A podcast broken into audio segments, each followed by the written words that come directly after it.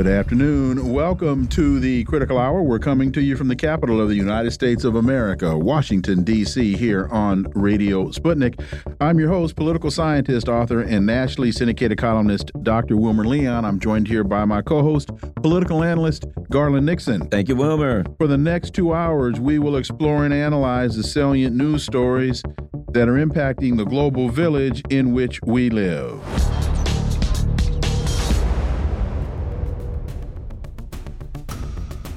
U.S. News reports despite Gaza death toll soaring, U.S. unlikely to rethink weapons supplies to Israel. Facing a soaring death toll from Israel's renewed offensive in southern Gaza, the Biden administration is trying to pressure its ally to minimize civilian deaths while stopping well short of the kind of measures that might force it to listen, such as threatening to restrict military aid. For insight into this, let's turn to our first guest. He's an award winning broadcaster and journalist based in Beirut, Lebanon. Laith Marouf, as always, Laith, welcome back. Thank you for having me.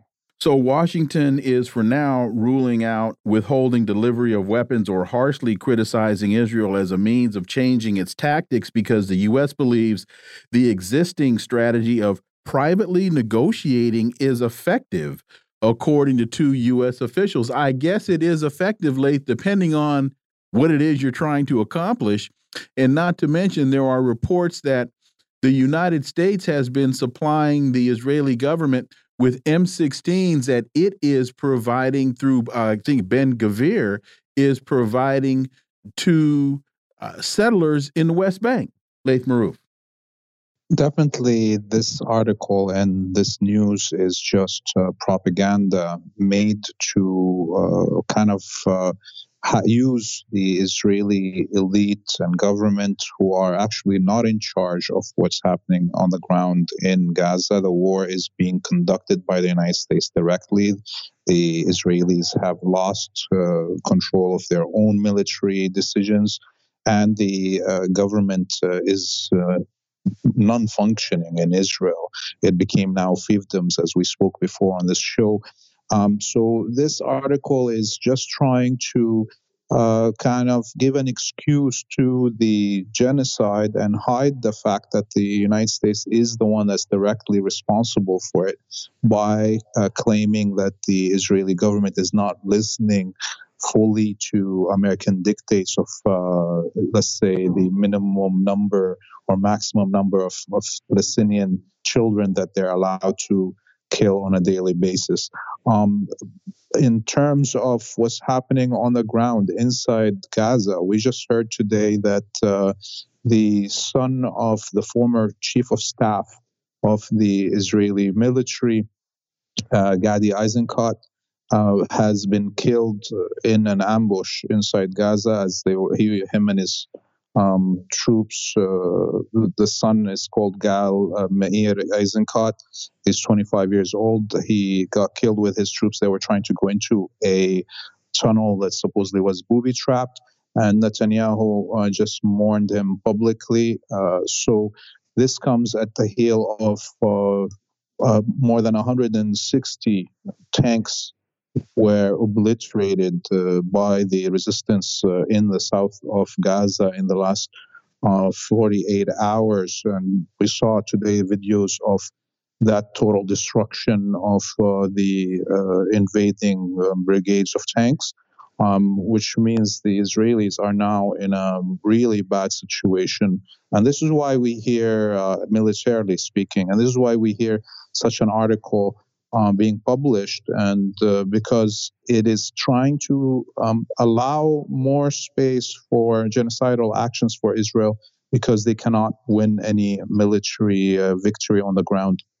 You know, if we look at it, what happened was um, for the last couple years, we've been reporting on the political instability in Israel. So the people of Israel were not supporting this government. Um, you know, they were in in the streets by the millions. Certainly, we have the people of the United States in the streets by the millions. They don't support what their own government's doing. So what we have now is we've got the U.S. government and the semblance of what they're calling an Israeli government oper operating completely outside of the realms of democracy and in no way anymore even pretending to represent um, mainly the people of the United States and the constituency of the government.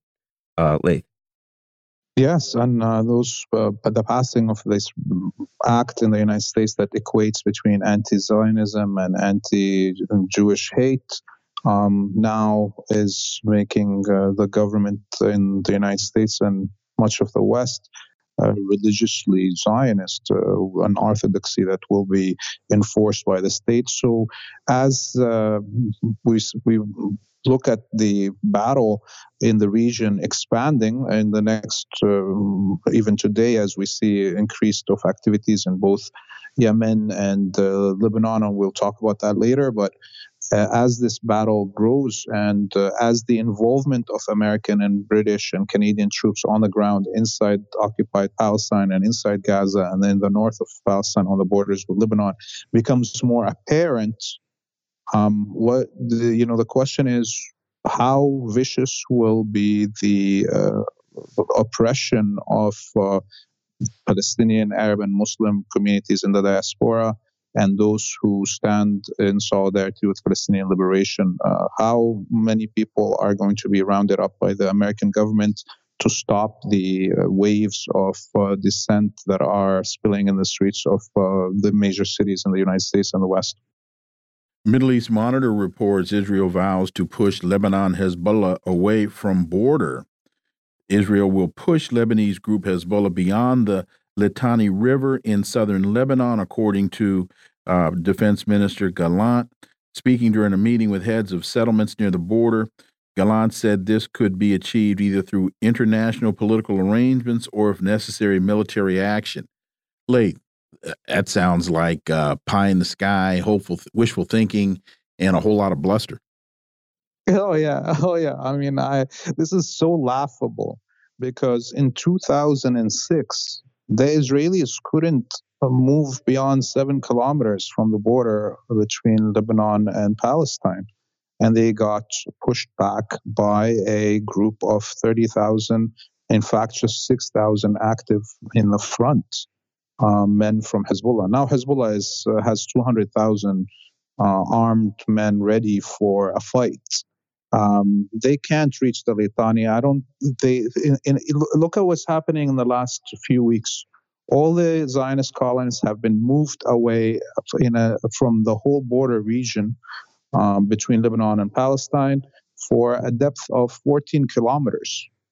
And uh, the Israeli military, all their bases have been hit, all their visible armed machinery has been hit to the point where the Israeli military inside these uh, evacuated uh, colonies is now uh, driving around in civilian cars in order to hide their activities. And today, Hezbollah hit one of these cars and uh, uh, killed uh, the Israeli military forces that are inside it. So, this means that the Israelis have lost complete control of these evacuated uh, colonies. There, they have to stay inside their bases, and if they want to move, they can't even move uh, with machinery that is armored. Otherwise, it will be hit. So now they're hiding and, and hiding their movement in such ways. So Israel already lost control of a, a, an area that's deeper than the, the border of between the border of Lebanon and the Litani River. Um, and uh, now we are, the battle zone is the north of Palestine, not Lebanon. And uh, until now, it's clear that the Israelis don't have the ability to raise the stakes uh, into a higher uh, battleground because they know that this will mean a complete uh, punch down by the resistance in Hezbollah. Middle East Monitor reports Yemen's Houthis launched ballistic missiles towards Israel, and you know the um, the Ansar Allah's actions have been really quite pronounced. And it also appears to me the U.S. is kind of hesitant to really bomb them or attack, strike back because to do that is to really widen the war. As long as they kind of play defensively, they can't. The, the, the war is not widened, but it's already uh, broadened. The Houthis have broadened it, but if the U.S. strikes back, then they're in a broader war themselves, and uh, who knows where it goes from there. Your thoughts on the importance of what's going on with Ansar Allah? Oh yeah, this is uh, you know we, uh, have I watched an interview today with one of the representatives of uh, the Ansarullah and the government in Sana'a, uh, and he said openly, he said, if the United States attacks Yemen, they will be targeting American ships, and uh, not only military but also trade ships if anybody attacks Yemen, this is the response will be in terms of their shipping uh, in between the Arabian Sea and the Red Sea. Um, the other thing that he said is that if a regional war breaks out and the Saudis and the Emiratis line up with the United States, that all the oil fields and gas fields of Yemen, of, of uh, Saudi and United Arab Emirates will be hit immediately. Um, so this is uh, a clear high uh, and you know position that uh, Ansarullah have taken, and the Americans know that they can deliver on that, and that is why the Americans now are in a in a in, in a situation that uh, they have kind of spread themselves thin. They're now having to mobilize on in four seas uh, and for the first time in any um, battle between the Arabic people and the Zionist colony since 1948, for the first time, there's actually four seas that are part of the battle zone the Mediterranean, the Red Sea, the Arabian Sea, and the Gulf. This is uh, the first time this happens, and Ansarullah are the ones that made that happen, and it's costing not only Israel millions of dollars every day to deal with this threat. But now it's stretching all the uh, military of the empire and uh, costing it billions of dollars uh, just to respond to this uh, threat on a, on a four seas uh, battle zone. I'm glad you made that point because I was just looking at the map and and that was one of the things that that amazed me. But elaborate a little bit more on what it means uh, in terms of um, the, the Houthis getting involved here because they've got an ongoing struggle with with the Saudis. So obviously something has given if if if they now have the vision and the ability not only to look at their confrontation with the Saudis, but now they're stepping in very aggressively uh, in the Gazan conflict. Yeah, I mean, it's clear that the Saudis have and the Emiratis have stopped all the battle fronts in Yemen. Um, once this war uh, on Gaza began and the genocide there, um, and they don't want to, especially because Ansarullah are attacking the Zionist colony. If the Saudis attack Yemen right now, they will. It will, no matter what they say, it will look like that they are defending the Zionist colony and attacking Yemen on its behalf. So this is uh, how the battle zone has uh, kind of uh, simmered down inside Yemen, and it's allowing Ansarullah to, uh, with this brilliant uh, decision to attack the Zionist colony, to actually uh, regain the Im- geographic importance of Yemen. This is, look, the real actual capitals of the Arabic world prior to the discovery of oil and the, you know lifting these uh, sheikhs uh, from the desert, uh, making them billionaires that are uh, uh, beholden by the uh, Anglo-American empire. are the real capitals of the Arabic world are Sana'a, Damascus, Baghdad, Cairo, and Algiers. These are the capitals of the Arabic world.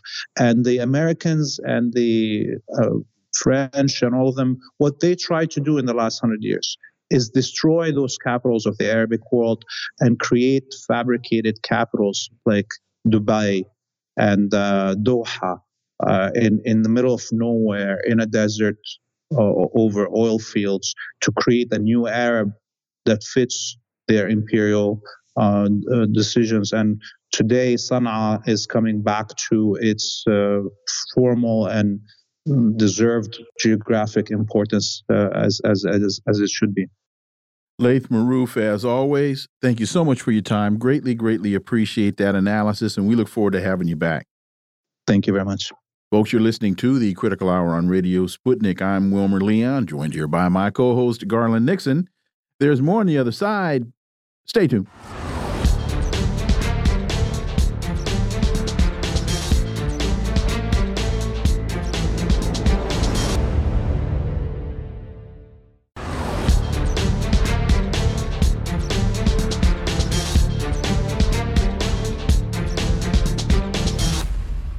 Are back, and you're listening to the Critical Hour on Radio Sputnik. I'm Wilmer Leon, joined here by my co host, Garland Nixon. Thank you, Wilmer. Senate Republicans blocked procedural vote for Ukrainian aid package. Republicans yesterday blocked the procedural vote to advance a national security bill that includes billions of dollars in Ukraine aid because it includes no changes to border security policy. For insight into this, let's turn to our next guest. He's a Moscow based international relations and security analyst, Mark Sleboda. As always, Mark, welcome back. Dr. Leon Garland, thanks for having me. It's always an honor and a pleasure to be on the critical hour. So the Biden administration urged Congress to pass billions in aid to Ukraine, but skepticism by Republicans over the scale of the funding for Ukraine and how it's been allocated has grown. And Republicans are now seeking to tie the aid negotiations to border policy changes, an issue on which Congress has failed to take broad ranging action for decades. We talked about the potential of this happening yesterday, Mark. Now it has, in fact, happened.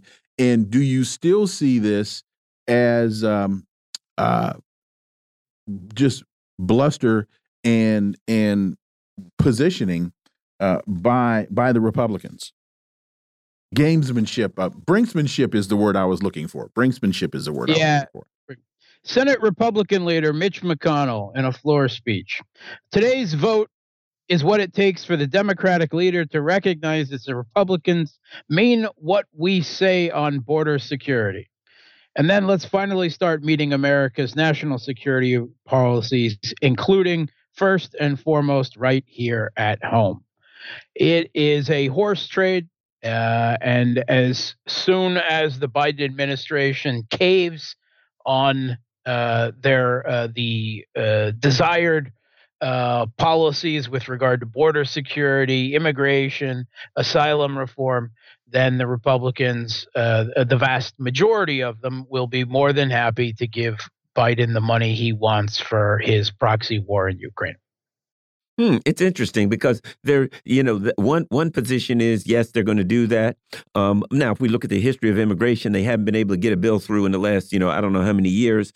But the other argument is that everybody wants out, and this is a you know you, I'm sure you've heard this. The Republicans want out, the Democrats want out, and this is their their their way out. This is their way to just say, oh well, we just can't come to a deal, a uh, deal and just kind of do like they did in in Vietnam, in Afghanistan.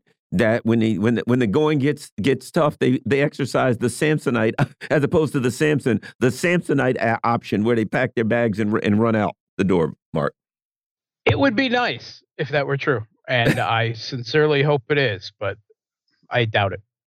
Defense Secretary Lloyd Austin says GIs might have to fight Russians in Europe, pitching Congress with a proposal for more aid for Ukraine. Lloyd Austin conjured up a threat from Russia. He said that if Congress does not appropriate 61 billion in aid for Ukraine, it's very likely U.S. troops on the ground in Europe will be fighting Russia. First question Does the United States even have the troops to do it? That's the first question. This really sounds more like, once again, conjuring up the boogeyman. And um, in, in order to try to find some way to scare Republicans into this vote. And it doesn't seem to have worked. Mark Sleboda. Yeah, I mean that's clearly what it is. This is this is uh, raising a specter. Uh, I don't know whether it is supposed to be more aimed at a public that really doesn't know any better, uh, with the hopes that the, that the pressuring them would pressure the Republicans or to the Republican leaders themselves. But uh, yeah, I, I don't think that anyone is really fooled by this type of rhetoric. I mean, um, here's here's the logical impasse here, right? One of the arguments being made is that we need to bring Ukraine into NATO because if we do so, Russia wouldn't dare touch them because Article 5. Whereas we also get, usually from the same people, the argument that um, uh, if uh, the Kiev regime is defeated in Ukraine, uh, Putin will double down and decide to attack Poland or Portugal or, I don't know, Canada, uh, somebody. Uh, just just because that's that's the argument being made. Um, I've, I've heard the, the Maldives. Not afraid of the Maldives NATO. is the where Maldives. He, the Maldives, going next. Yeah, well, yeah, uh, because Putin is not afraid of NATO. That that this is the idiocy of the argument being presented. Russia, from the very beginning, from before they began their intervention in the Ukrainian civil conflict, they said, "Let's sit down. Let's you know, mm-hmm. uh, agree and and conclude the Minsk agreements that we began and everyone agreed was the only way forward so long ago. Let's set a security architecture Europe that defends everyone. Let's not expand NATO. Let's keep some buffer space between us and you because good fences make for good neighbors kind of thing. Mm-hmm. And of course no, none of that. Uh, so uh, Russia has given absolutely no indication that it has any aggressive tendencies towards NATO. Quite to the contrary, NATO has given every tendency that they have aggressive tendencies uh, towards Russia, and they've essentially threw a sock puppet on Russia uh, for you know the the last uh, almost two years now, and there's a very good uh, quote on this uh, from an article in the Asia Times by Stephen Bryen. Austin GIs might have to fight Russians in Europe. Um, and he said, that's not to say that there aren't a lot of Russians who think that their generals should be threatening Europe. After all, Europe is providing massive military aid, intelligence, and technical help to Ukraine in a war with Russia, along with training Ukrainian troops and helping Ukraine develop its war plans. Um, uh, you know, so um, and where they have killed uh, tens of thousands of Russians and tens of thousands of East Ukrainians. Uh, so um, th- there is a very hostile uh, settlement uh, sentiment right now in Russia towards the West. I just think the United States, the NATO, the EU, they should all be very grateful that the very comparatively, in Russian political terms, moderate, pragmatic, and cold blooded Putin is in charge of the government and not say the communists or the nationalists of LDPR or someone else who would already be dropping atomic bombs on European cities. Just really quickly to my first question.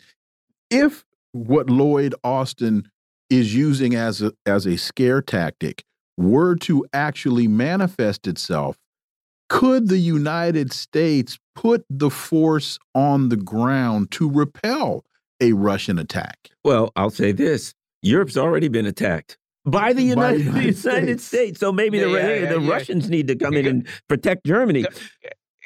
Garland's got a good point there. I still don't know why Article 5 wasn't invoked against either the United States or a rando group of Ukrainians, you know, depending on which story you want to believe.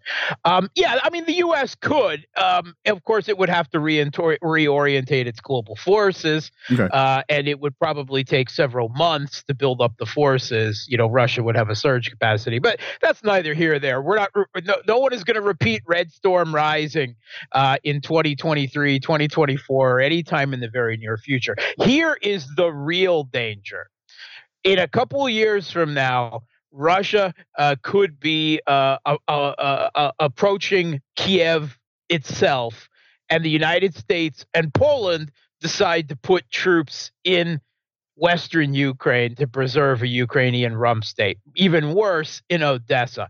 That is the real threat of Russian American troops clashing, not in a NATO country, but in Ukraine.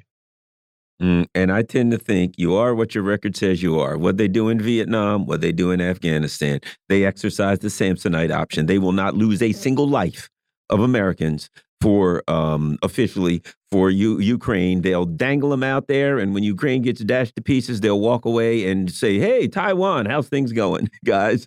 Your turn." Russia and Saudi Arabia agreed to boost defense cooperation. Interesting stuff. The uh, president of um, Russia was, you know, hailed. The isolated guy was, you know, basically there. You know, comes to the Middle East, and this guy is, you know, he's he's treated as a as a triumphant champion, which kind of looks like he's starting to be one. Your thoughts, uh, Mark? Yeah, I mean it's amazing. I mean, after the way he was greeted as a conquering czar in the UAE, Putin was greeted by the ailing 88 year old king of Saudi Arabia, who met him at the very bottom of the stairs of his airplane and embraced him. I'm pretty sure that most world leaders don't get greeted by the actual king of Saudi Arabia, whom evidently has problems standing up on a normal day. Um, th- I, I, I take it that this was uh, pretty significant.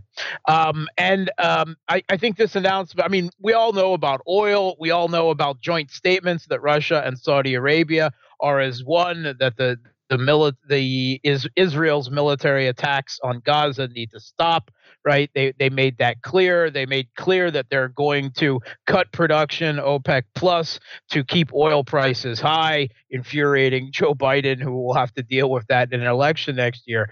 But also this this uh, this uh, discussion of increasing defensive cooperation. That means one thing.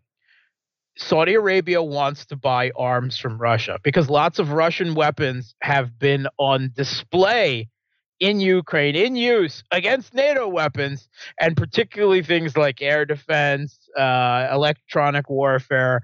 Uh, a lot of other things have received very good um, uh, battle performance against their their NATO um, uh, equivalent. And this follows in August an, uh, an initial agreement that was already inked Saudis sign military cooperation agreement with Russia. Uh, they're looking to buy arms. And this is from Radio Free Europe, Radio Liberty. One of the things that keeps Saudi Arabia still tied to the U.S. is that almost all of their military gear comes from the US, a little bit more from some other NATO countries. That locks them geopolitically in. If Saudi Arabia truly wants to have a multi-vector foreign policy with options they need to shift the percentages of that and buy some russian arms some chinese arms right some some uh, uh, uh, countries outside of nato so they are not 100% reliant on a military supply chain that's coming from the United States. And I think that's exactly what Putin and Mohammed bin Salman were talking about in Riyadh uh, yesterday. Mark Sleboda, as always, thank you so much for your time. Greatly, greatly appreciate that analysis, and we look forward to having you back. Thanks for having me. Folks, you're listening to the Critical Hour on Radio Sputnik. I'm Wilmer Leon. I'm joined here by my co host, Garland Nixon. There's more on the other side. Stay tuned.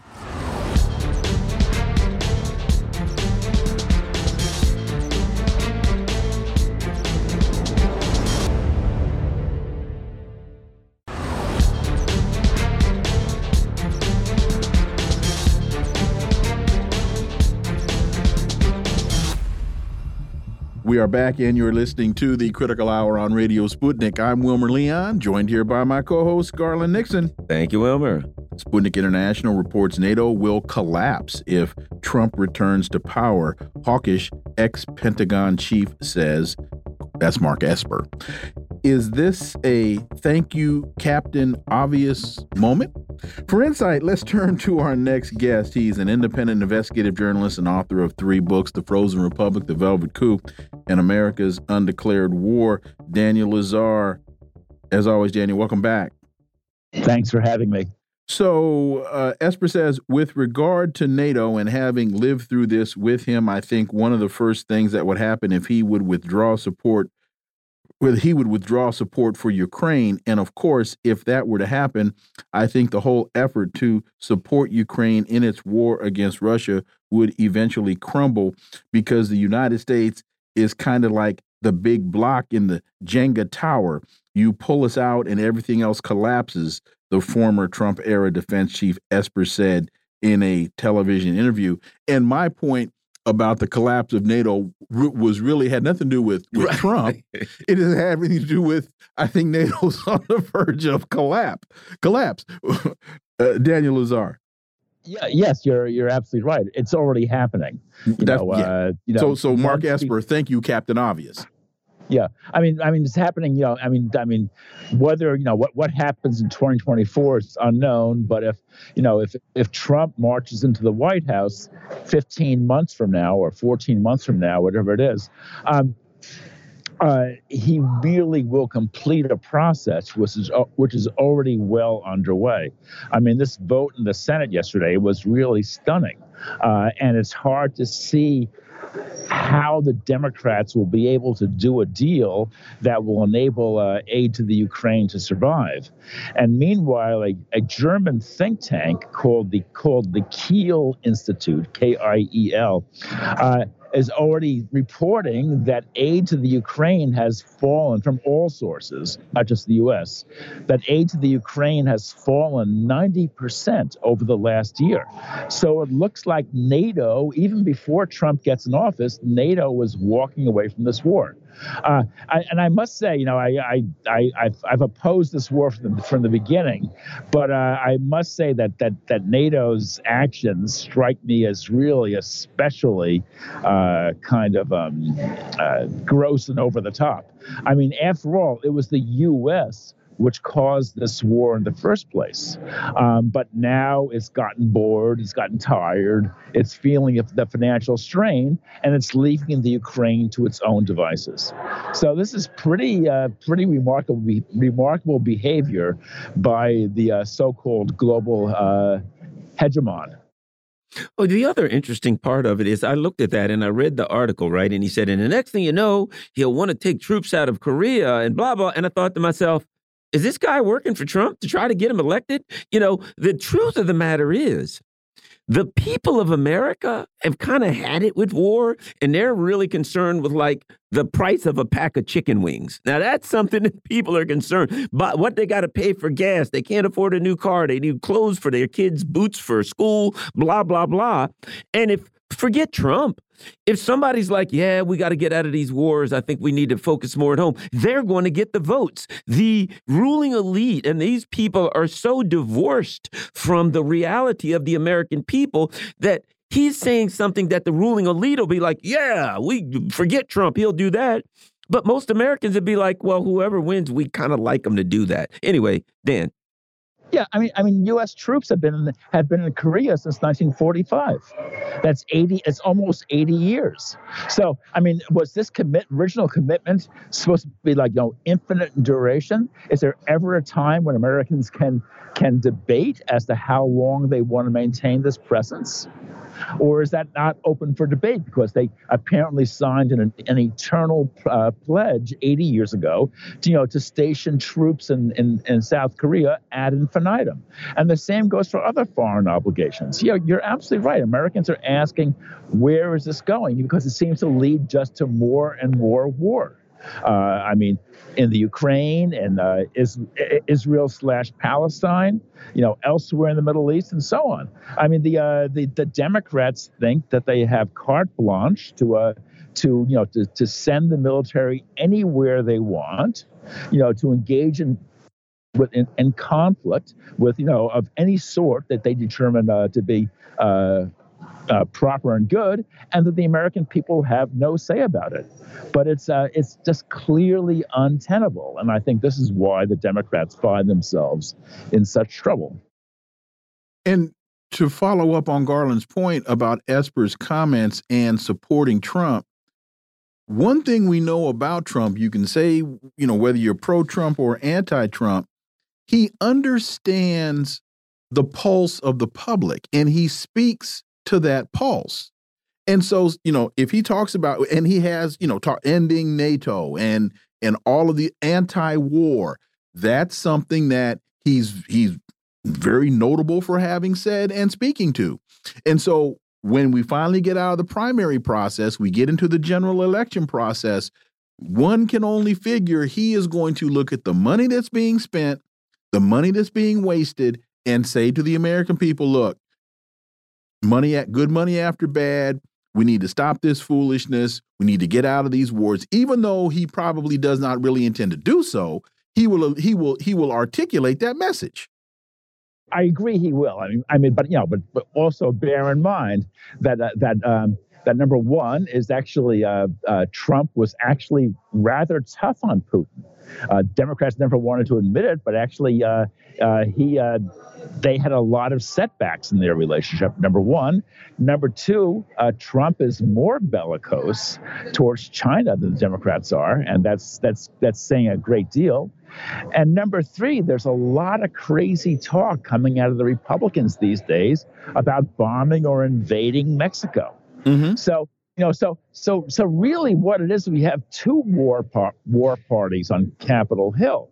Uh, that's that they only want to attack different uh, different countries. Uh, the Dem, you know, the the the, uh, the de- Republicans do not share the Democrats' uh, enthusiasm over war with Russia, but in some ways they're more, more enthusiastic about war with China. It's a it's a very bad situation.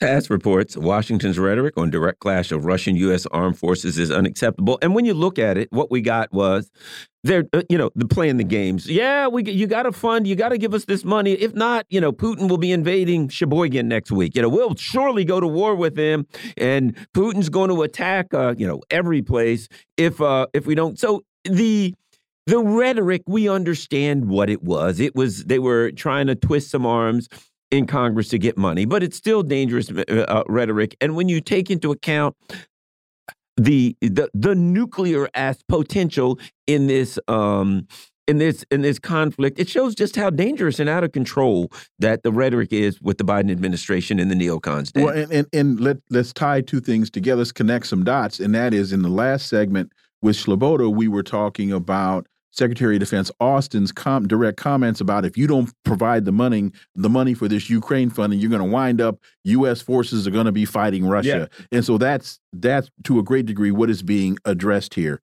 Uh, Dan Lazare. Dan, Dan Lazare. Chuck Schumer said the same thing. He said if there's a if the money is not forthcoming, then then then Putin will march into Europe into you know into the into NATO, into NATO land. Uh, it's it's I mean uh, Garland is absolutely right. It's very dangerous rhetoric because word, words are important and words lead to action. And the U.S. and, and the, the Biden administration in response to this latest uh, setback is essentially engaging in, in, in new and dangerous kinds of sword rattling. And, and you know, I mean, a, war, a direct military conflict with Russia is nothing to kid around about.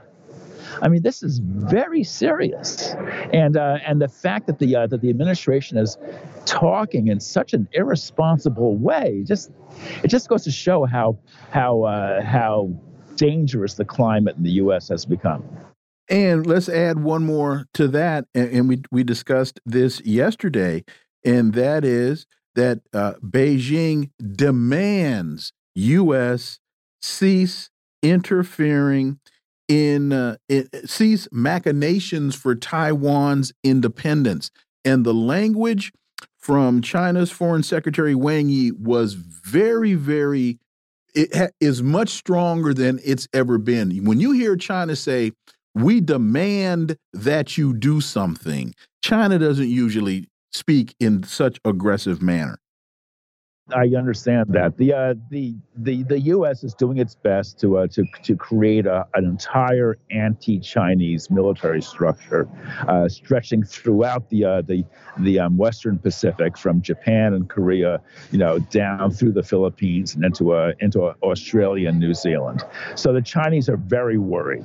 They think the U.S. is uh, is putting together a some kind of a grand military alliance, which will seek to encircle China and and uh, you know force it to to withdraw from uh, from its what it regards as its own coastal waters. So they're very worried and they're very angry, and it's a very dangerous situation. Um, but you know, wait, wait, wait, wait a minute. Let me let me let me ask you to, for for a point of clarification. I understand China is concerned, but is China worried?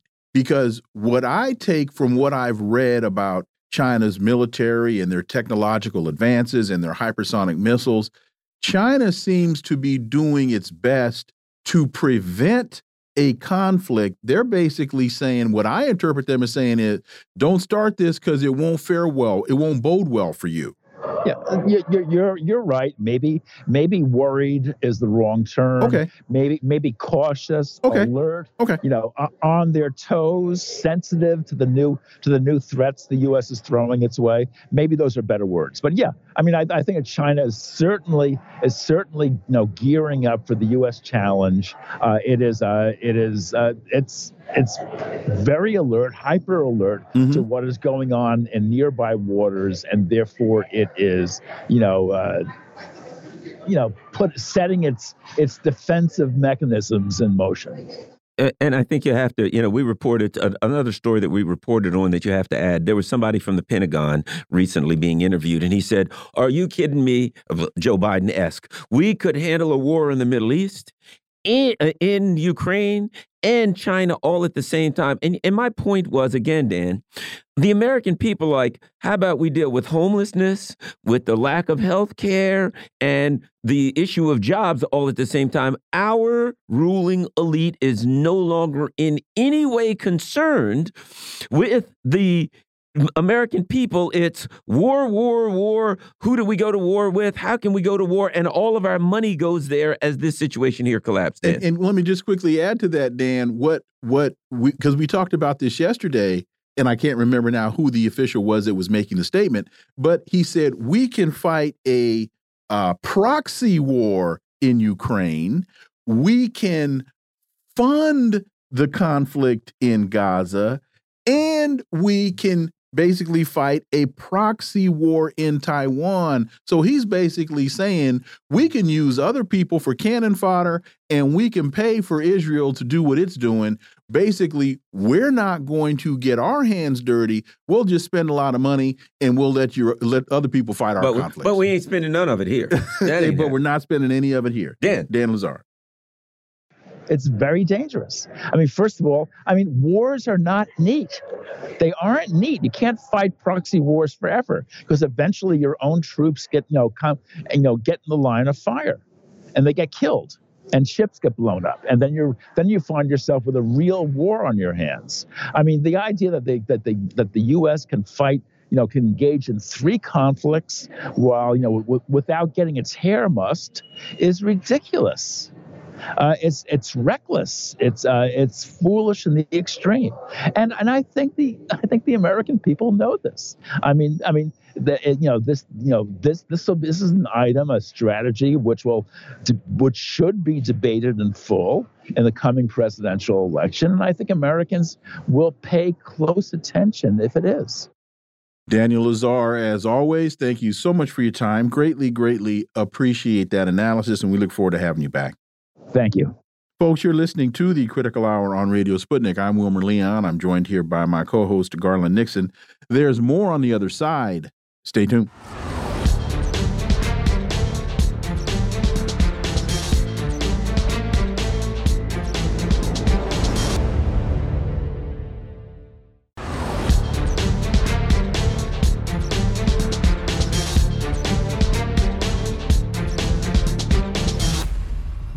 We are back, and you're listening to the Critical Hour on Radio Sputnik. I'm Wilmer Leon, joined here by my co host, Garland Nixon. Thank you, Wilmer.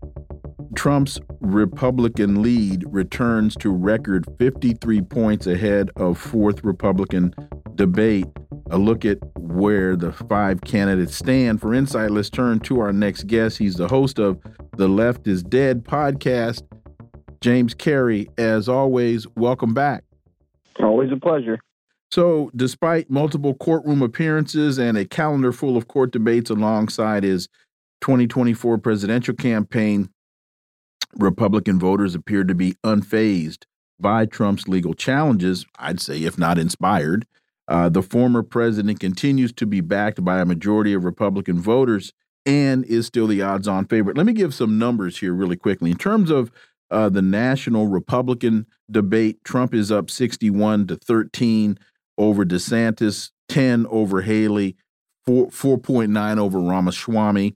In terms of the State of the Union polling, the president's job approval basically 40% approve, 56% disapprove. That's a negative 16 spread. Is the country headed in the right direction? 26% say yes, 67% say no. That's about a 41 negative spread. And final one, in a general matchup, Trump leads Biden uh, 47 to 45, and DeSantis leads Biden 47 to 46 and Haley leads Biden 47 to 42. Uh, basically, the country believes the Democrats are taking us in the wrong direction. Donald, uh, uh, uh Joe Biden can't beat anybody. A bag of ice would lead lead Biden by two points right now. I think Wilmer. Your thoughts, James Carey? Yeah, I mean, we, I think everybody's sort of seen this coming. Um, you know, we talked the other day about how this is Trump's primary to lose, but it's Biden's general to lose, and it seems as if it's already lost. I mean, between the you know the funding for the war in Ukraine that the Democrats don't seem to be backing down on, and uh, Biden's personal position on Israel being incredibly unpopular, especially among his own base. There's not much he's offering. I mean, they can point to the you know the sort of build back better anti-inflation bills that were what two years ago now. I feel you know these are ancient history as far as the election goes, and Americans don't have a memory that long. So I think that it's pretty, you know, it's amazing that it's going to be a one-term president like this after you know having the Obama effect, but and having another ex-president running against him. It seems like, but uh, it's just there's not much to be you know positive about at this point. I mean, you can sell these slight economic upticks, but if people don't feel it in their wallet and don't see it in their day to day life, it's not going to do any good. You know, James, the other thing is this, and Wilmer and I was, were discussing this earlier, and that is the state of the Democratic Party. I mean, 2016, it was clearly clear what they did to stop Bernie with Hillary. Um, 2020 comes, and Obama makes the phone call before Super Tuesday, and all the people drop out. And again, they use machinations to ensure that the most popular candidate doesn't win. Now they're at a point where they've got a candidate who, let's face it, ah, you can't put this guy in a debate. So they're saying we're not going to have debates in the primaries. Florida has literally said, We've chosen Biden, so I guess they're not having a primary. Now they're talking about not doing debates in the general, which, let's face it, they can't. The state of the Democratic Party, from the perspective of a political entity, it's just a a good old boys and I guess good old girls club with no democratic machinations whatsoever. You know, as far as democracy, it's that's done. Um, your thoughts, James? Yeah, it's definitely uh, unresponsive to popular will of any kind. Um, I think it, it is fascinating that this party is, you know, we're still dealing with basically an Obama presidency. You know, this is third term Obama. We have his vice president enacting pretty similar policies and um, the Democratic Party has done all they can to sort of smash down any t- type of talent that's up and coming. Um, I believe I talked to, uh, about this last time I called in. I, I think that there's a few candidates out there, maybe Whitmer here in Michigan or Gavin Newsom in California, but they're not. I mean, they're not national. The national profile of the Democratic Party isn't that isn't that great, and I think that you know you've managed to smash down all these people. You've got people who you know, you got Mayor Pete who cheated in the Iowa caucus. You have Kamala Harris as VP who never got a single delegate vote anywhere during the primary in 2020. These people aren't even popular within the party.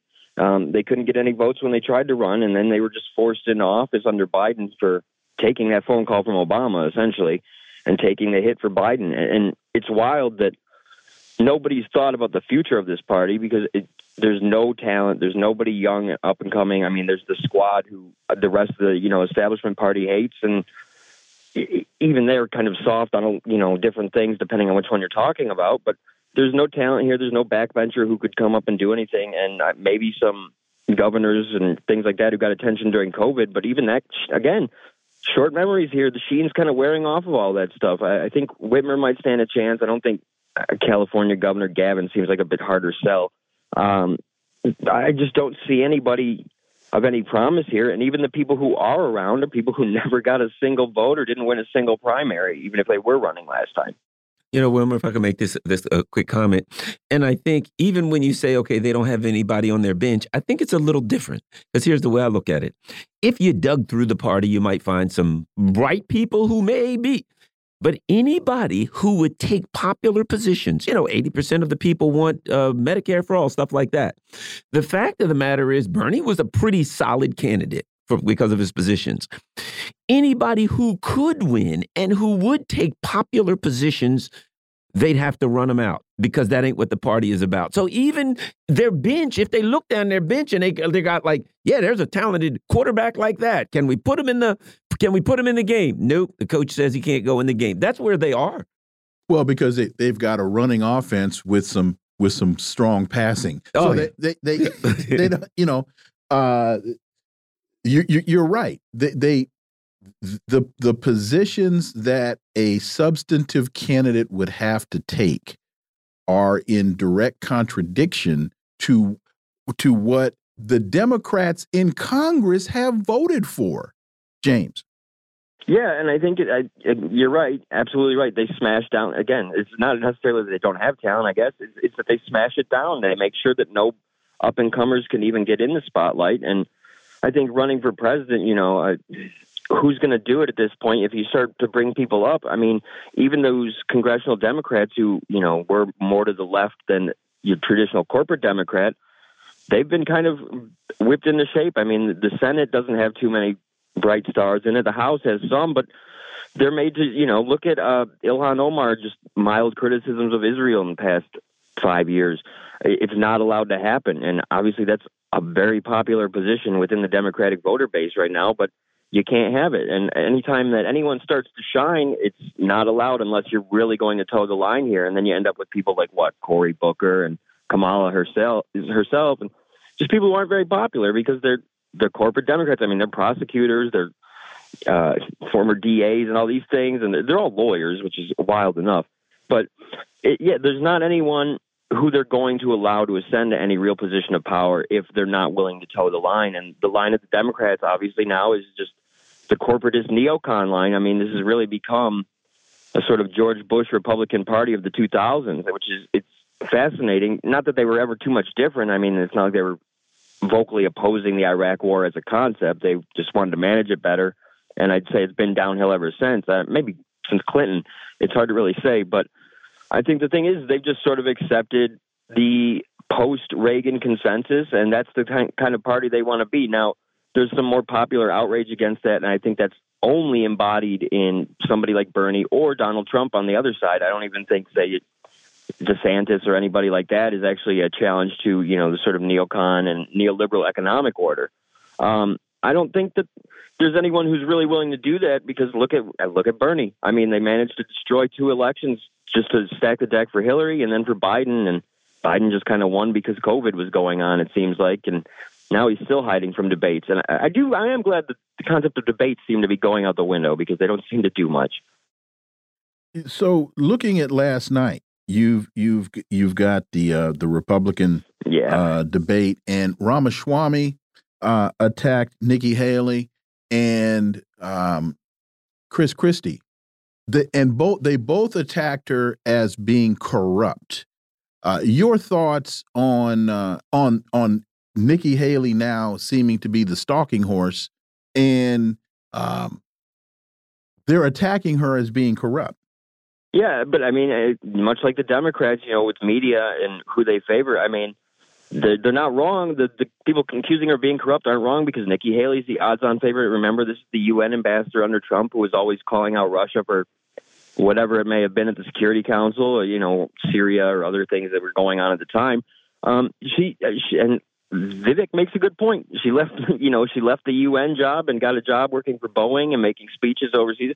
She's very much a Hillary Clinton type candidate. I mean, people don't like this stuff anymore. People don't find, even if they're military, you know, gung ho military supporters, they're not big fans of military contractors or Fortune 500 companies or the banks, you know, the big banks or anything like that.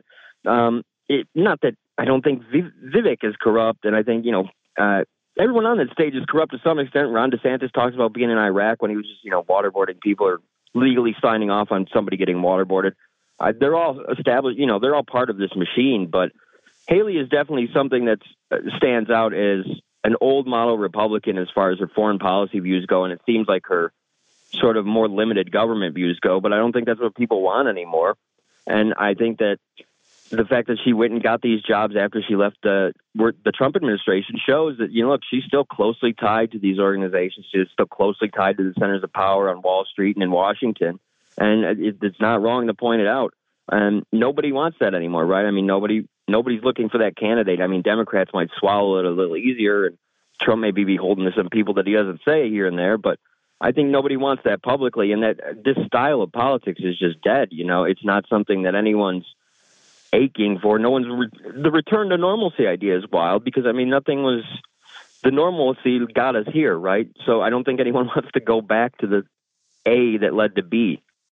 Yeah, I, I, and I also think you know if you look, uh, Jamie Dimon, you know, coming out uh, saying, "Yeah, support yeah. Uh, uh, support her."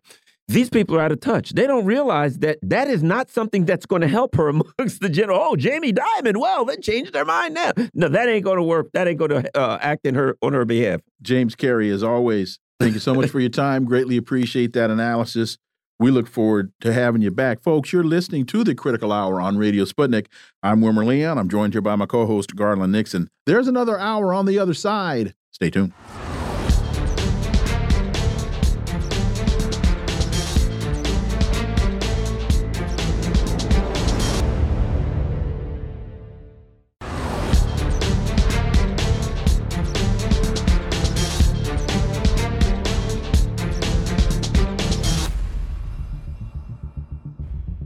We're back, and you're listening to the Critical Hour on Radio Sputnik. I'm Wilmer Leon, joined here by my co host, Garland Nixon.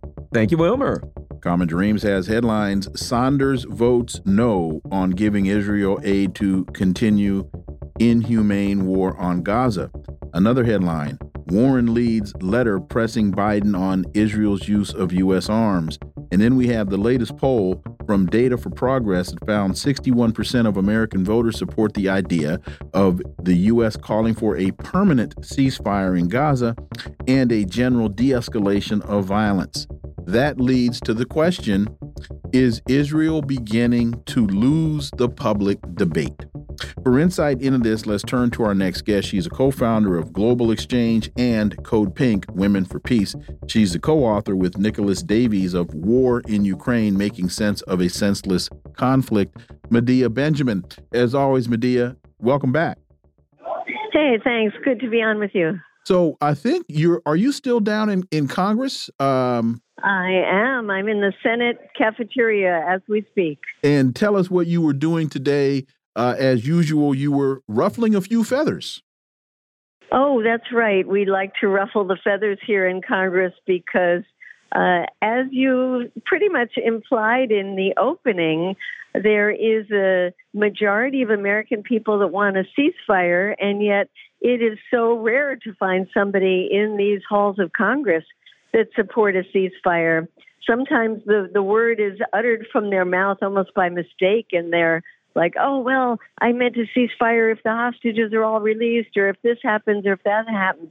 For the most part, the C word is considered a dirty word uh, in these halls. And so uh, we were uh, happy today. There was actually a positive thing in that uh, Cori Bush, who initiated a ceasefire resolution, and uh, Congresswoman Rashida Tlaib did a press conference with a group called Doctors Against Genocide. It's so sick that there has to be a group called Doctors Against Genocide, but um, that's where we are. And, um, you know, they were talking about what it means to be a healthcare professional and be in the situation like doctors are in in Gaza right now. But uh, uh Ilhan Omar joined as well. And um, there are just a handful of these members of Congress who are really to, willing to stick their neck out and say, what is happening is just mass slaughter, and we can't support that anymore. And when bills are coming up now to send another $14 billion to Israel, uh, it's very hard to find the opposition to that. On the Republican side in the House, uh, as far as I know, there's only two members of Congress, um, Tom Massie and Marjorie Taylor Greene, who said they will not vote for uh, that package of aid to Israel. And on the Democrat side, um, well, we're not sure because um, the the uh, the last one that was sent through the House had that IRS stipulation. You know, they had to uh, counteract it with taking away $14 billion from the IRS, so no Democrat voted for that. But in any case, what I'm saying is that we've been walking these halls of Congress now for uh, more than a month, um, demanding a ceasefire uh, on behalf of humanity and public opinion in the United States. And yet, it is still hard to get through that uh, AIPAC uh, pro-Israel lobby money, as well as just the general sense uh, in in Congress that Israel is in the right, and even if they're killing uh, 16,000 uh, people in Gaza, most of whom are women and children, uh, it's the, what they have to do. Let me ask you this: since you, I know you've been, you know, fighting the good fight since this um, conflict, or since the attacks on on Gaza began, have you noticed any difference, or is it pretty much are things pretty much static? Oh, there's a big difference. I mean, in the beginning, uh, with a lot of work, there were 18 members of Congress who signed on to a resolution uh, calling for a ceasefire. Now there's about 50, five zero members of Congress who have said ceasefire in one form or another, making their own public statements or putting out even a Twitter about it. Um, but uh, the conversation is different when we go into these meetings now. There's almost a, a, a lot of the staff is on our side. You can tell the way they talk to us. Uh, some of the people who run the front desks literally run outside after we've left the meeting to say, Thank you so much. Thank you. Um, we really appreciate what you're doing. Um, even when we're going into places like Chuck Schumer, who is, you know, super pro Israel, or Ben Cardin, who can't give enough money to Israel, um, we get a, a positive reception from a lot of the staff. And so, um, and when we talk to the Congress people themselves, uh, they want to show us that they are pushing humanitarian aid or they're pushing for a quote cessation of hostilities because they don't want to say the other C word. Uh, or they're for another humanitarian pause. They're always trying to show us that they're for something that will reduce the number of casualties because they are embarrassed um, that so many uh, civilians have been dying at the hands of U.S. bombs when you look at the protests that are taking place across the country, people are in the street uh, supporting uh, Palestine. You have uh, White House interns sent a letter to Joe Biden calling for a ceasefire. That was a was a really a, a surprise to me. And so so talk so you're not only hearing it as you have your meetings, we're seeing it play itself out physically uh, in the streets. And as you have those that are saying that they support Israel, what they're also supporting is the military industrial complex, because a lot of those billions of dollars are going right back to Raytheon and Lockheed Martin and they're, they're the, the weapons manufacturers. Well, right. And, you know, you're seeing the protests, as you said, in the streets and in the suites uh, because uh, we met some of those White House interns. They were so proud of themselves that they were going to uh, release this letter, and well, they should be. Uh, we met some of the uh, organizers in the in Congress who organized a letter of, um, 400 staff members. In that case, anonymously because they're afraid of losing their jobs, but still. Uh, very important, and a number of them showed up for a press conference. Um, we saw over a thousand uh, uh, staff members of the Agency for International Development, AID, who uh, wrote a letter. Um, the dissent is everywhere, and uh, yet, you know, I did mention the pro-Israel lobby, uh, AIPAC, and others. Uh, but as you say, it's also the weapons industry. So we're fighting formidable powers uh, and yet, I do feel like I haven't seen this kind of grassroots organizing uh, in so long. Uh, just you, know, there's now the unions that are organizing, including the uh, United Auto Workers, so big mainstream unions. We have um, the doctors that I mentioned today. We have uh, the um, many of the unions who signed up are teachers unions, uh, and we have so many. Uh, I can't keep up with. I mean, every day I'm going to about three protests. If I don't go to three protests a day, I feel like I didn't do my job. Um, so uh, the grassroots is not getting tired. On the contrary, we're getting more creative. We're thinking of more ways, more uh, ways to uh, focus on people who have power. Um, but you know, it's not enough because every day so many people are dying. So uh, we feel that you know we're doing uh, a lot on the um, on the citizen side of things to try to move uh, our government, and yet our government continues to uh, maybe move more in the rhetoric side, saying, "Oh, Israel, you got to stop killing so many civilians," but then, of course, sending the uh, bunker buster bombs and uh, continuing to push through this 14 billion dollars of aid. And when we see it didn't go through in the um, uh, Senate yesterday, we have to realize that one of the reasons, or the reason really, it didn't go through is because the Republicans voted against it, not because they don't want to send money to Israel, but because there wasn't enough of the border militarism money. So the right thing for the wrong reasons. Let me ask you this. I've actually heard some murmurings in Maryland of people who are planning on um, putting together some things to challenge some of the incumbents upcoming in some of the primaries um, and you know based specifically on this on this region if nothing else i mean on this issue do you think that number one it's time to start considering that hey the moves when, when i mean you got to have a deal breaker if genocide ain't a deal breaker you ain't got one and do you think that it's time to start having that discussion about some of these young people who are out protesting, maybe running against some of these people, maybe taking an anti war position. Uh, anyway, your thoughts, Medea? Yeah, I mean, it's contradictory because, on the one hand, so many of us recognize the system is just absolutely broken. We don't have any faith in this system if we ever did.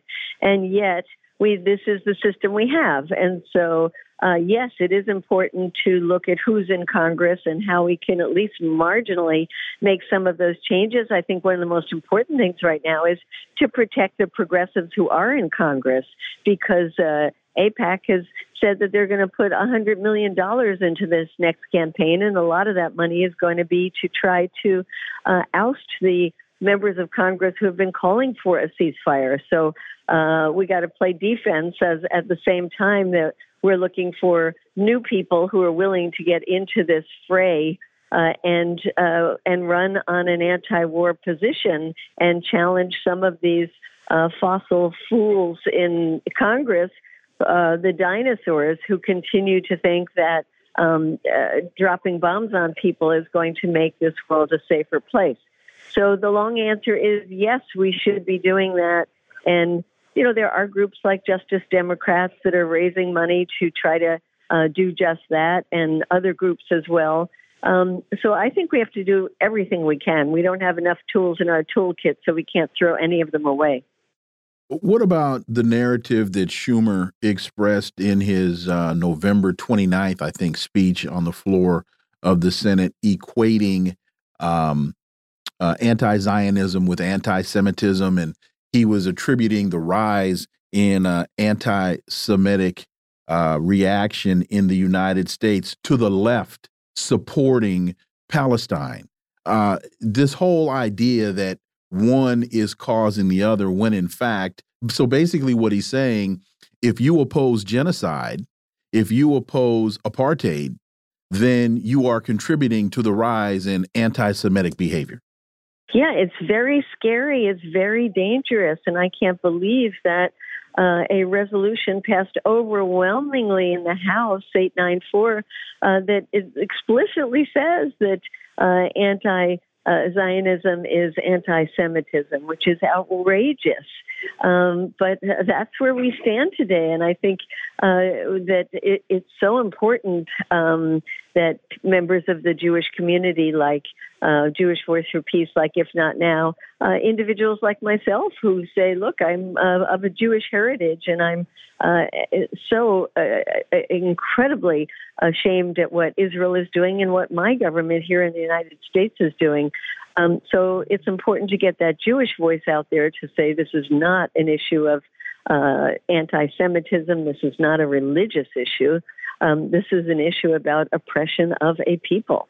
No, I know. Uh, certainly, uh, uh, we were talking with Medea Benjamin, one of the co-founders of Code Pink, and you can go to codepink.org for more information. What would you recommend to people right now if they want to get involved, if they want to do something? Where can they go? Is there a website? What are your recommendations for people who want to get involved in, you know, working for a, a, a peaceful resolution and a ceasefire as quickly as possible? Well, I, I would uh, appreciate if people would go to codepink.org, and we have lots of things for people to do, and we're really building community uh, in this time with people coming together on regular meetings just to discuss uh, their ideas, what they can do, what obstacles they're facing. Uh, and we have some really great campaigns from pushing for uh, Israel to be brought before the International Criminal Court to campaigns on boycott, divestment, and sanctions, especially focusing on the weapons industries, uh, and then campaigns of pressuring our members of Congress, which we think is really important. Uh, we have calling parties, so we do it together. There's a little more strength or more uh, feeling of inspiration when you're doing it with other people. Uh, so constantly calling our, our members of the House and members of the Senate. Uh, and then I would say join a local group. And now I, I don't think there's a major community anywhere in the United States where there are not uh, organizations that are working hard on these issues. Uh, so I would say, you know, join with others so you don't feel alone. The real antidote to despair uh, is activism, and this is the time uh, when we really need that kind of community to uh, keep us going, to keep us sane, uh, and to keep us hoping that we can make a difference. And I think uh, we can. You know, you're looking, uh, we have people, a lot of friends in Palestine, a lot of friends in Gaza, a lot of friends all over the world. Uh, and they are looking towards us. They say, it's the United States that was running the show here. Uh, and it's the American people who really have to rise up uh, to force our government to change because that's the only thing that's going to have an impact on is the Israeli government. Medea Benjamin, as always, thank you so much for your time. Greatly, greatly appreciate that analysis, and we look forward to having you back. Okay, nice being with you. Bye bye. Folks, you're listening to the Critical Hour on Radio Sputnik. I'm Wilmer Leon. I'm joined here by my co host, Garland Nixon. There's more on the other side. Stay tuned.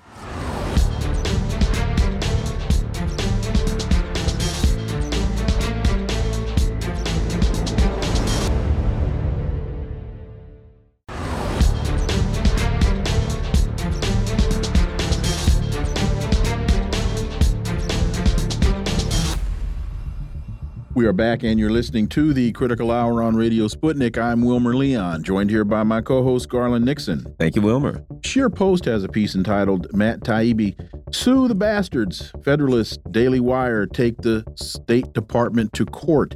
In late October, the liberal anti establishment investigative site Consortium News filed a historic suit against the U.S and NewsGuard Industries describing a state funded effort to label, defame, and stigmatize, quote, media organizations that oppose or dissent from American foreign policy and defense policy, end quote. Now, a pair of conservative media outlets, The Federalist and The Daily Wire, have filed a bookend suit to match the consortium news action. This time, the defendant is the Global Engagement Center, the State Department organization ostensibly de dedicated to countering foreign state and non state propaganda. What are we to make of all of this? Well, for insight, let's turn to our next guest. She's host of Sabby Sab's podcast and co host of Revolutionary Blackout Network, Sabrina Salvati. Sabrina, welcome. Good afternoon. Thanks so much for having me on.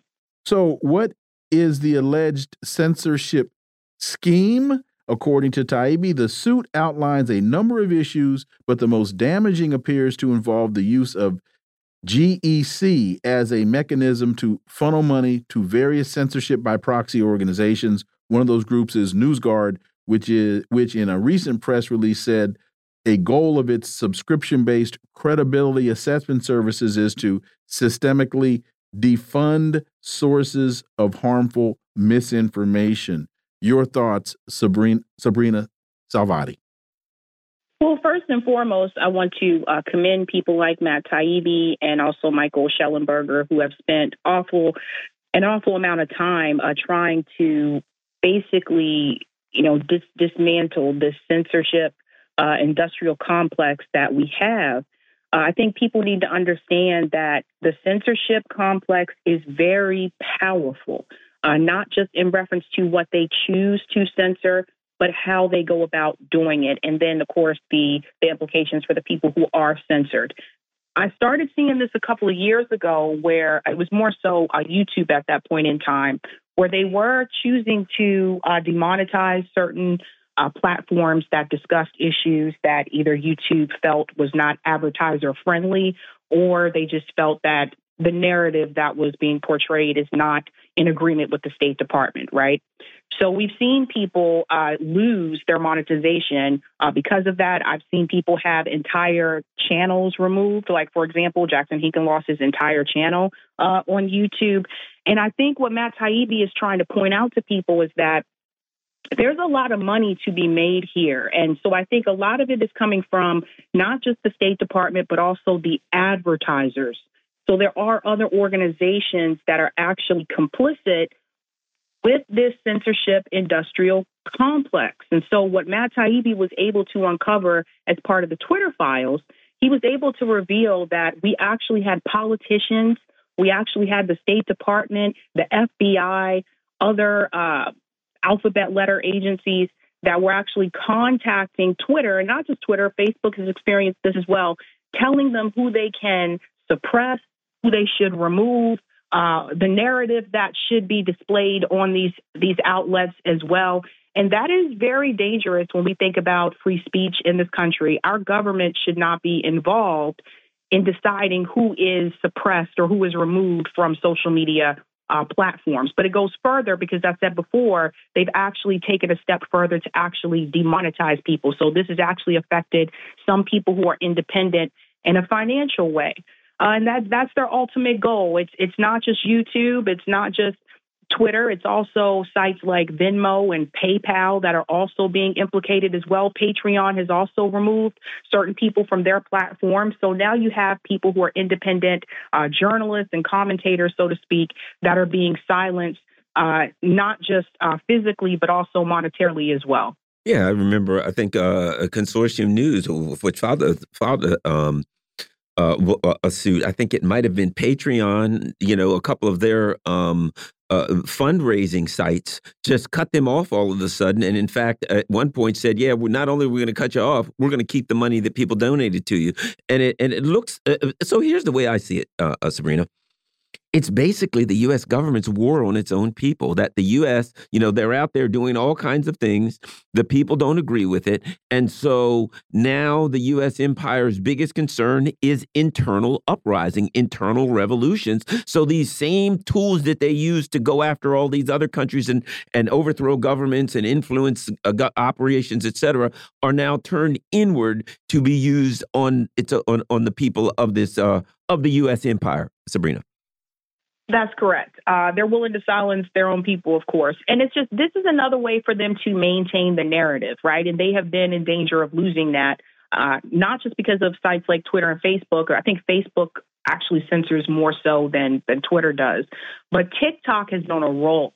And this is also, and I want to bring this up as well, because I saw with the uh, Republican debate with Nikki Haley, one of the things that she wants to do is that she wants to, you know, remove TikTok. I want people to understand this is not just about the fact that TikTok may be affiliated with China or anything like that. This is about them trying to control the narrative. And if you go on TikTok right now, you will see several videos about the Palestinian struggle, uh, about this this grift with Ukraine uh, and Zelensky. Uh, and it is a more effective way to get out that information because those videos are very short, they're straight to the point, uh, and a lot of people use TikTok.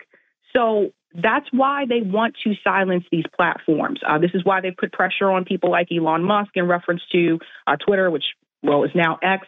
This is why they're doing this because the State Department is losing control of the narrative. I was looking at news ratings. So CNN's ratings have plummeted, MSNBC ratings have plummeted, Fox News is still hanging in there a little bit, but all of these mainstream media outlets, their ratings have started to decline ever since Joe Biden won the presidency because a lot of people were tuning in mainly to hear about Trump. So because of that, you have seen a rise of more people in independent media. Garland, I'm sure, as you know, there's a lot of people in independent media that are exposing the truth, that are telling the facts of these news stories that these outlets are not including when they do their coverage. And people have to understand the reason why those outlets are not including that information is because they too are bought and paid for. You have to look at the shareholders. So you have companies like BlackRock and Vanguard that are shareholders of these networks. So they are in danger of losing control of the narrative. And now they're saying to themselves oh my gosh how can we how can we stop this? How can we prevent this from escalating any further? You mentioned tiktok and we know of course that tiktok has been under attack and the the pretext that is used is oh it's china. And so when you subscribe to tiktok that china gets a hold of your data. And what is left out of that conversation is the fact that TikTok in the United States uh, hosts uh, Oracle. Oracle Corporation hosts TikTok on its servers. So that's the firewall between United States citizens using TikTok and China gaining access to the information. So it's it's it's it's somewhat analogous to the Julian Assange uh, uh, you know, criticism or the with the the the New York Times conundrum, as I think Obama called it, to because if you really go after um, uh, Julian Assange, then you got to go after the New York Times. Here, if you really, really, really go after TikTok, you got to go after Oracle. Correct. Correct. Um, and I'm glad that you mentioned that. And I think this is the thing is is just like again, a lot of this is related to the fact of money in electoral politics. That's another big problem. So we have to find a way to have free public financing of elections, which at one point in this country we did have. We need to remove political action committees. We need to remove super PACs. Uh, from electoral politics. At once upon a time in this country, politicians were not being courted by PACs and super PACs, but that changed over time. Uh, this is also why you start to see a lot of these politicians when it comes to Israel and Palestine. This is why a lot of them are more likely to lean towards the side of protecting the state of Israel, even though they can see for themselves what's happening with the Palestinian people, because a lot of these people are bought and paid for by companies like AIPAC, right? So AIPAC owns how many politicians that we have in DC? So you have to remove this. But what one of the things that I, I did find out the other night, I went to see a talk with uh, Miko Peled. He came here to MIT. One of the things that he explained to us is that you have to understand that these organizations are very, very powerful. They don't just take control in reference to buying these politicians, but they also have control and have their hands in the social media apparatus as well. So, how do you do that? The way you go about doing that is that you have to have a strategy in place. And Miko Peled said he believes it needs to be in DC. So, that's something that he's working towards starting right now. But we're not going to change. You know, we're not going to change everyone's mind just by tweeting things out and just by posting things on social media. We can make people more aware. But the people that we are fighting back against, these organizations like AIPAC, these companies like BlackRock, they are very powerful and they do have control over a lot of the advertising spaces as well. And they also have the money, which we don't really have much of on the left. They have the money to get the message out. And just in closing, what I think is is really important for people to understand. I'd love to get your take on this, Sabrina is it's not it should not be about narrowing the platform. It should not be about contracting the space. It sh it should be about expansion. The what we all benefit in a quote unquote democracy when there is more debate when there is more exchange when there is more information for people to consume not less. Correct Uh, and this is something I, I would say, and, and, Garland, you can tell me how you feel about this as well, but this is something that I would say within the space of independent media. You know, I, I think that sometimes it can be very competitive where people feel like they don't want to have interactions with other people that are on different uh, news shows or things like that in independent media, right? Because they're like, that's going to take away from from my audience or whatever. I think the exact opposite. I think if there was ever a time that particularly those that are commentators on the left really need to come together and form some type of coalition to push back against the censorship uh, complex, to push back against a lot of the pressure that's coming towards the politicians in reference to this war with Israel and Gaza. I think that time is now. Uh, our voices would actually be louder. I think our message would spread to more people if we were to do that. But I think as long as we're all in these separate silos, I think we're going to continue to reach fewer people. Well, you know, I know you asked Garland, but Wilmer here. I, let me. I, I think that's a slightly different response to the point that I was making, because I think it's natural for us. Uh, for example, if if I'm able to get uh, Sabrina Salvati on my show, then I become very protective of my sources because Sabrina Salvati is a is a huge uh, voice and I want, you know, when I have her on my show, then that makes my show bigger. That that's different than the overall objective of uh, of of media silence and and silencing the disparate voices. I'm talking about expanding the platform because the more Sabrina Salvatis that are out there, the better off the world is, as opposed to me, Wilmer Leon, on my show, wanting to have you as a guest and not wanting other people to have you because you're such a big voice. And, and, I would throw this, and the people in charge know that, which is specifically why they're trying to shut down as many voices as they can. Quickly, Sabrina.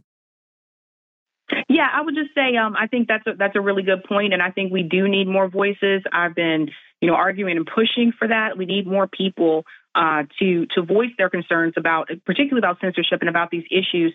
And I think one of the hardest problems that newer voices are going to find is that there's a lot more censorship now today than it was when people like myself and Garland started. Sabrina Salvati, as always, thank you so much for your time. Greatly, greatly appreciate that analysis. We look forward to having you back. Thank you.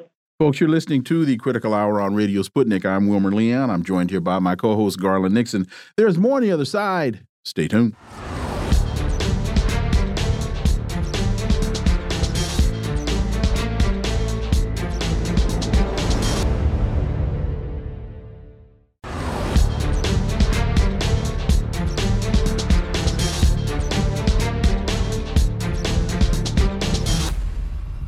We are back, and you're listening to the Critical Hour on Radio Sputnik. I'm Wilmer Leon, joined here by my co host, Garland Nixon. Thank you, Wilmer. Black Agenda Reports reports one year anniversary of coup regime marks International Day of Solidarity with the Peruvian people.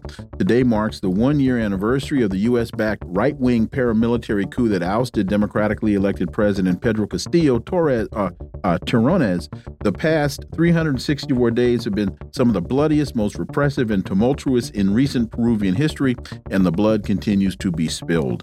For insight into this, let's turn to our next guest. She's the senior editor and senior columnist at Black Agenda Report and author of Prejudential Black America and the Presidents, Margaret Kimberley. As always, Margaret, welcome back.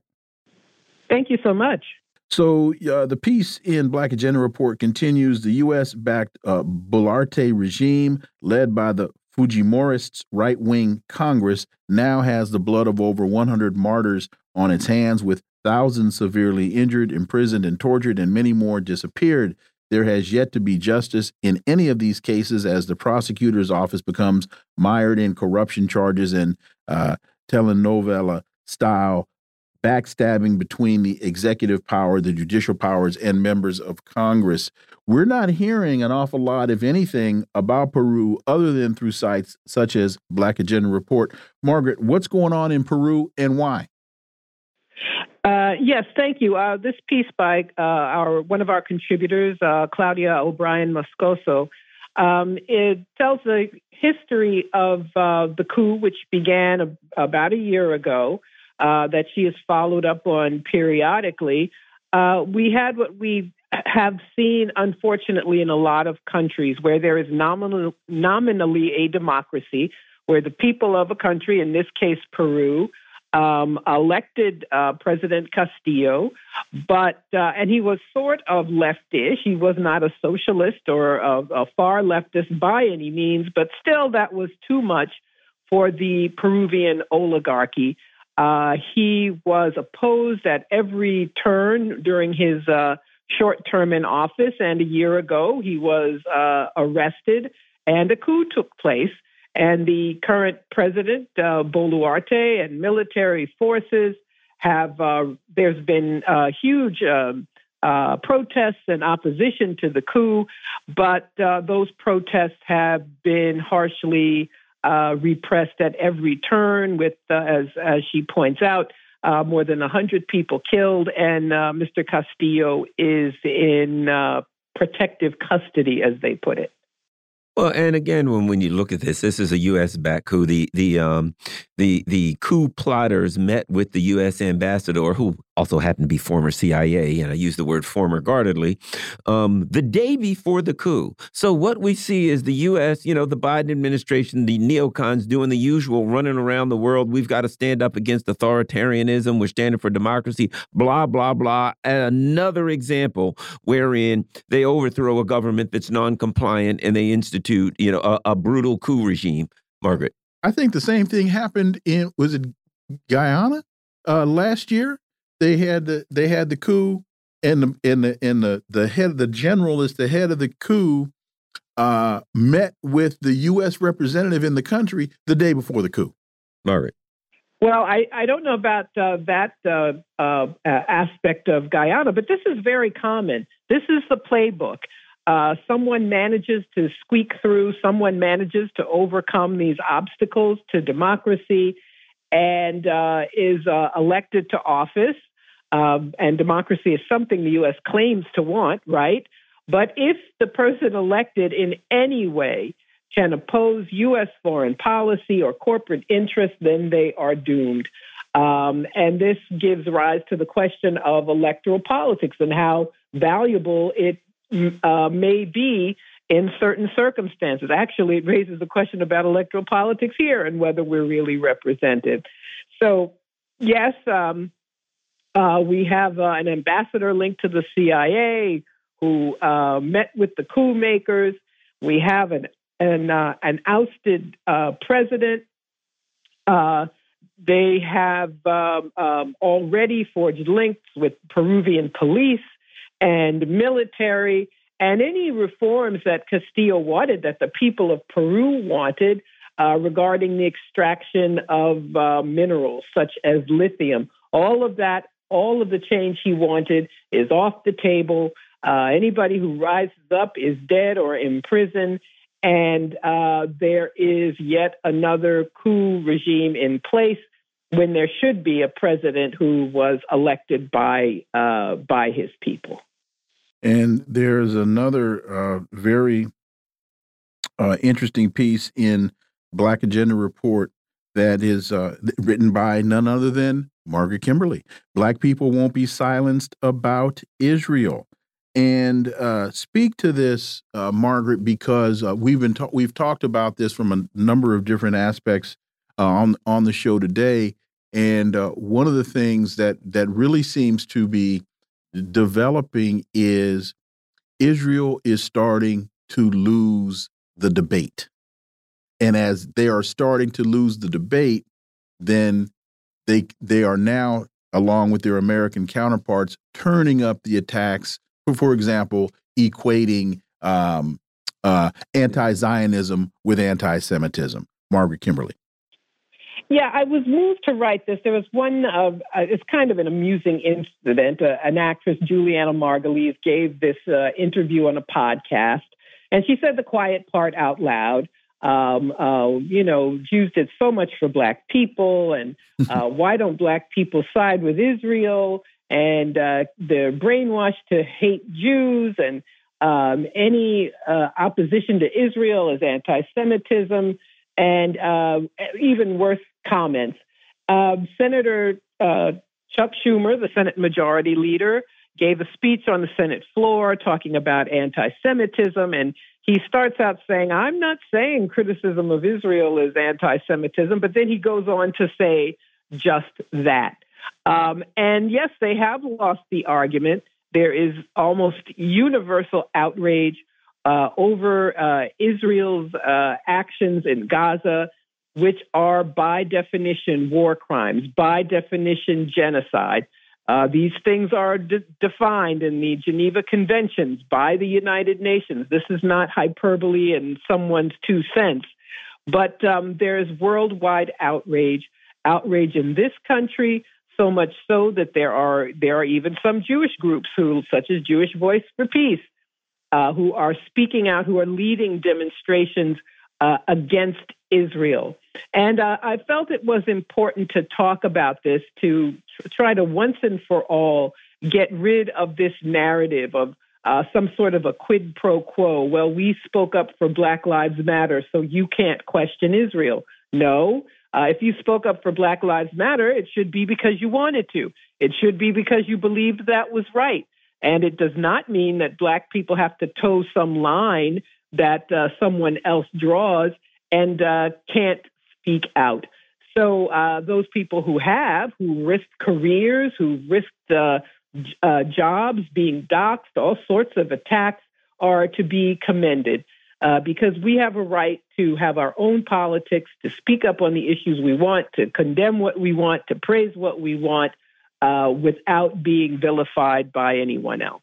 And the other part of it is to nuance these issues, not to just say, well, this group did this, so that group. If a black person robs a liquor store and shoots somebody, that doesn't mean that I got to stand up for that black person or say, hey, you know, we got to look out for this guy and we got to protect him. No, it's a matter of justice. And so what we get now is this condescension towards black people to say, you know, you guys, you shouldn't intellectually take this apart and determine whether or not it's just. Just as a group, be quiet, do what you're told, act as a group. It's it's a condescension and it's an insult to me, Margaret.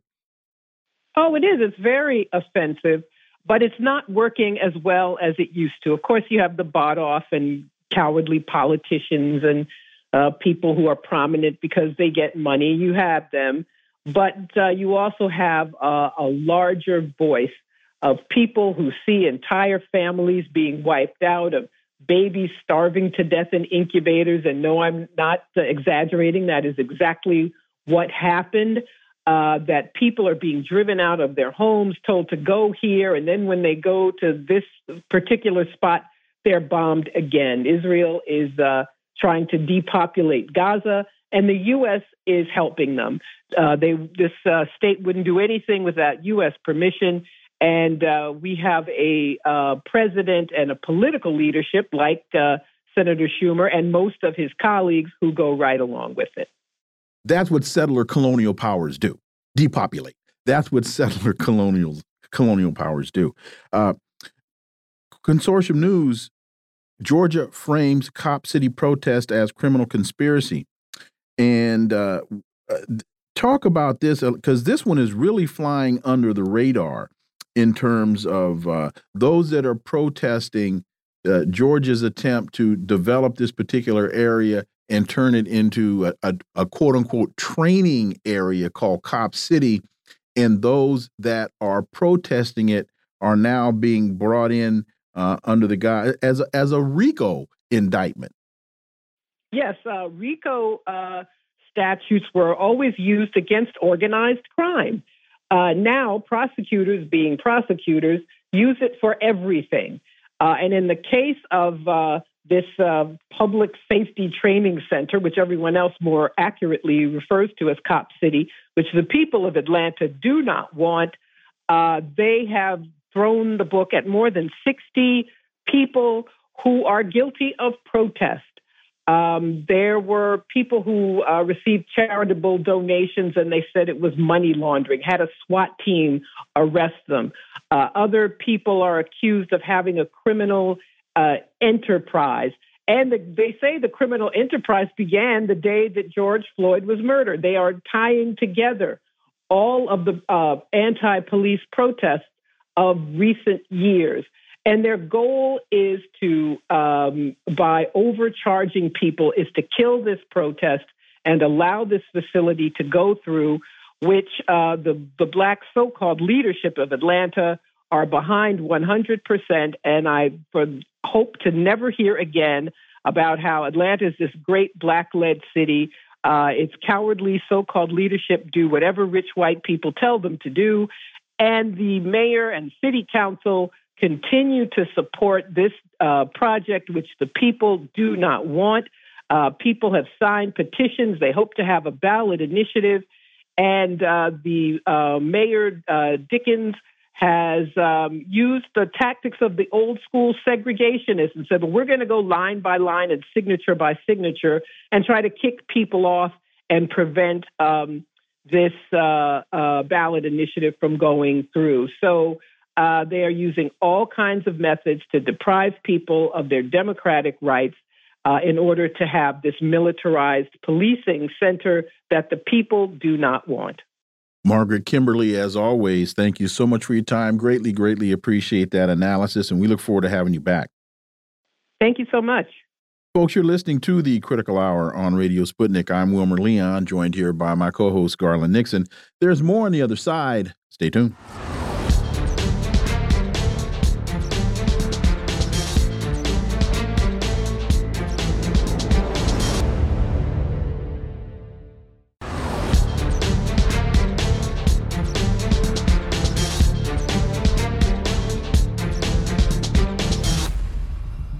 We are back, and you're listening to the Critical Hour on Radio Sputnik. I'm Wilmer Leon. Garland Nixon will join me shortly. The Defense Post reports U.S. clears $271 million for F 35 munition sale to South Korea. South Korea has been cleared to procure U.S. made precision weapons to integrate into its fleet of F 35A Lightning II aircraft. Are there signals that we should take away from this sale? For insight, let's turn to our next guest. He's retired from a global advisory services firm where he advised clients on their China strategies and business operations, educated at MIT, Stevens Institute, and Santa Clara University. He's the founder and former managing director of International Strategic Alliances, and he's currently a board member of Freshfields, a novel green building platform. George Koo, as always, George, welcome back. Thank you, Wilmer. Nice to be back. So, according to a U.S. State Department announcement, Seoul has requested 39 AIM 120C 8 advanced medium range air to air missiles, also known as AMRAAMs, and other munitions for $271 million. It has also uh, signified its intent to purchase two AIM 120C 8 AMRAAM guidance sections and a number of other things. Uh, is this just an innocuous sale of weaponry, or is this also a matter further of power projection? And should North Korea and other entities be concerned? Well, I think in answer to your question, I think everybody should be concerned because by arming South Korea the way, and, and by the way, I have no expertise on how lethal these weapons that you just mentioned, Wilmer, whether that will kill 100 people or 100,000 people. But um, it's obviously putting South Korea into the Uncle Sam's camp.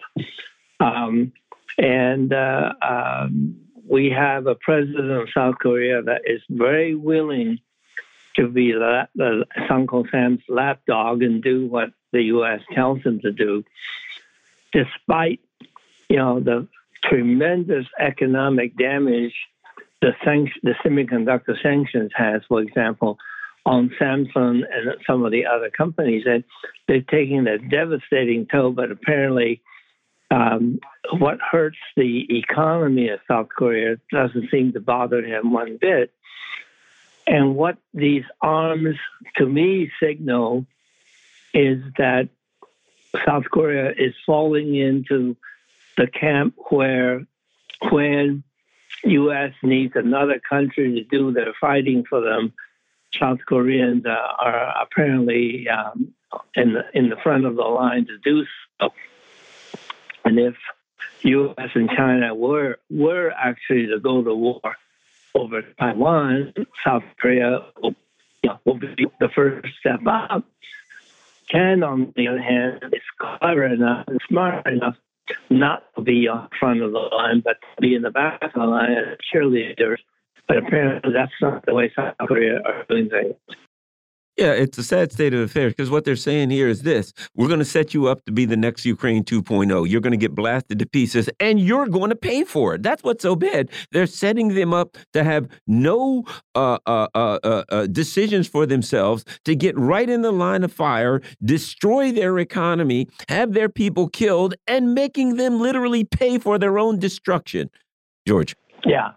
Well, the compensation for all that that you just mentioned is that South Korea becomes an honorary member of NATO, and uh, um, and I guess from President Yoon's point of view, being an honorary member of NATO must mean something to him. I don't know what, but uh, that seems to be where he's heading. I think it's also important for people in the United States to understand that a lot of the finance a lot of the money that's being used to pur purchase these weapons are American taxpayer dollars. That a lot of this comes through mili so-called military aid programs and other types of funding that are basically just uh, money laundering schemes. So U.S. tax dollars filter through South Korea, they filter through Ukraine, right back into Raytheon and and Lockheed Martin, but it's it, it's it's not necessarily it, directly coming out of the out of the uh, the treasuries of these countries. It's it's U.S. aid. And uh, it, you're you're right, and it's absolutely beneficial to uh, to Wall Street, and Wall Street drives drives our economy until it doesn't. Uh, and George, if we could ask you to uh, keep your mouth close to the uh, mic, we're, we're, we're, losing you, uh, losing the sound a little bit. Also, there's something that you had uh, wanted to discuss, and there's a book, "Murder in Manchuria" by Scott Seligman, and you, uh, you know, had mentioned that you felt that was an important book from the historical perspective. Why is that, George? Well, first of all, it's very well done.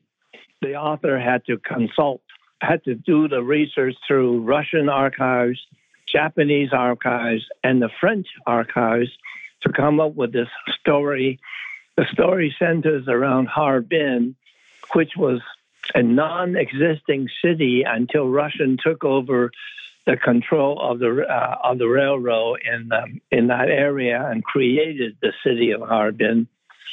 And then the Japanese occupied Manchuria, and Harbin is in the middle of this, of course and they maneuver and scheme. And so the author put all the historical background, weave it all in around a story of a young pianist, concert pianist that went to France, was born in Harbin, went to France for education, came back as a very successful concert pianist, about to go on a tour in Asia, was kidnapped for ransom his father was one of the wealthy Jewish families in Harbin. You know, so there was a period of time in at the turn of the century that Harbin was a safe haven for Jewish people experiencing the anti-Semitic beatings in Russia and Germany. What was interesting to me was there is a very interesting analog between the founding of Harbin and the founding of Shanghai. Both cities did not exist in Chinese history, created by the Western powers because of the commercial strategic interests of two places. In the case of Shanghai, the British and the French created. In the case of Harbin, the Russians created, and then the Japanese took it, took it over and it attracted white Russians in the case of Harbin. It's attracted Western Europeans in the case of Shanghai, and it was people by a lot of the dregs of society that couldn't make it anywhere else, and they come for refuge. And the other interesting thing is that the safe haven in Harbin for the Jewish people didn't last. But before World War II even started, the Jewish people had to leave Harbin, and a lot of it ended up in Shanghai because somehow the Japanese policy made a switch. And instead of forcing people to leave, they welcomed the people to go to Shanghai because they needed the skillful people to build up the economy. And it's it's just the a depiction and illustration of how Western powers in those days, up through the turn of the century to World War II, hmm. changed the the map and the and the um, the whole situation in China, and the Chinese government were totally hopeless and helpless in in making any difference in changing the situation. There's a, another interesting uh, development. NATO and its Indo Pacific partners choose practice over rhetoric in 2023. And this is from the uh, RUSI.org. Uh, they're talking about a, uh, an Indo Pacific NATO. Uh, your thoughts, George Koo? Well, as I referred to in, our, in the beginning of our conversation, they are moving towards Asia and they're looking to recruit Korea, Japan, and Australia and New Zealand um, to, to become the extension of NATO, if you will. And I think Japan and Australia are very cautious because, especially in the case of Australia, they they learned that uh, one of the reprisals, if you will, that China has available to them is economics to stop trading with Australia and restrict the import from Australia. New Zealand is even more cautious, but as we talked about the arms uh, to South Korea, the South Korean government seems quite willing to step up and have a NATO office and to become some sort of quasi NATO in Asia.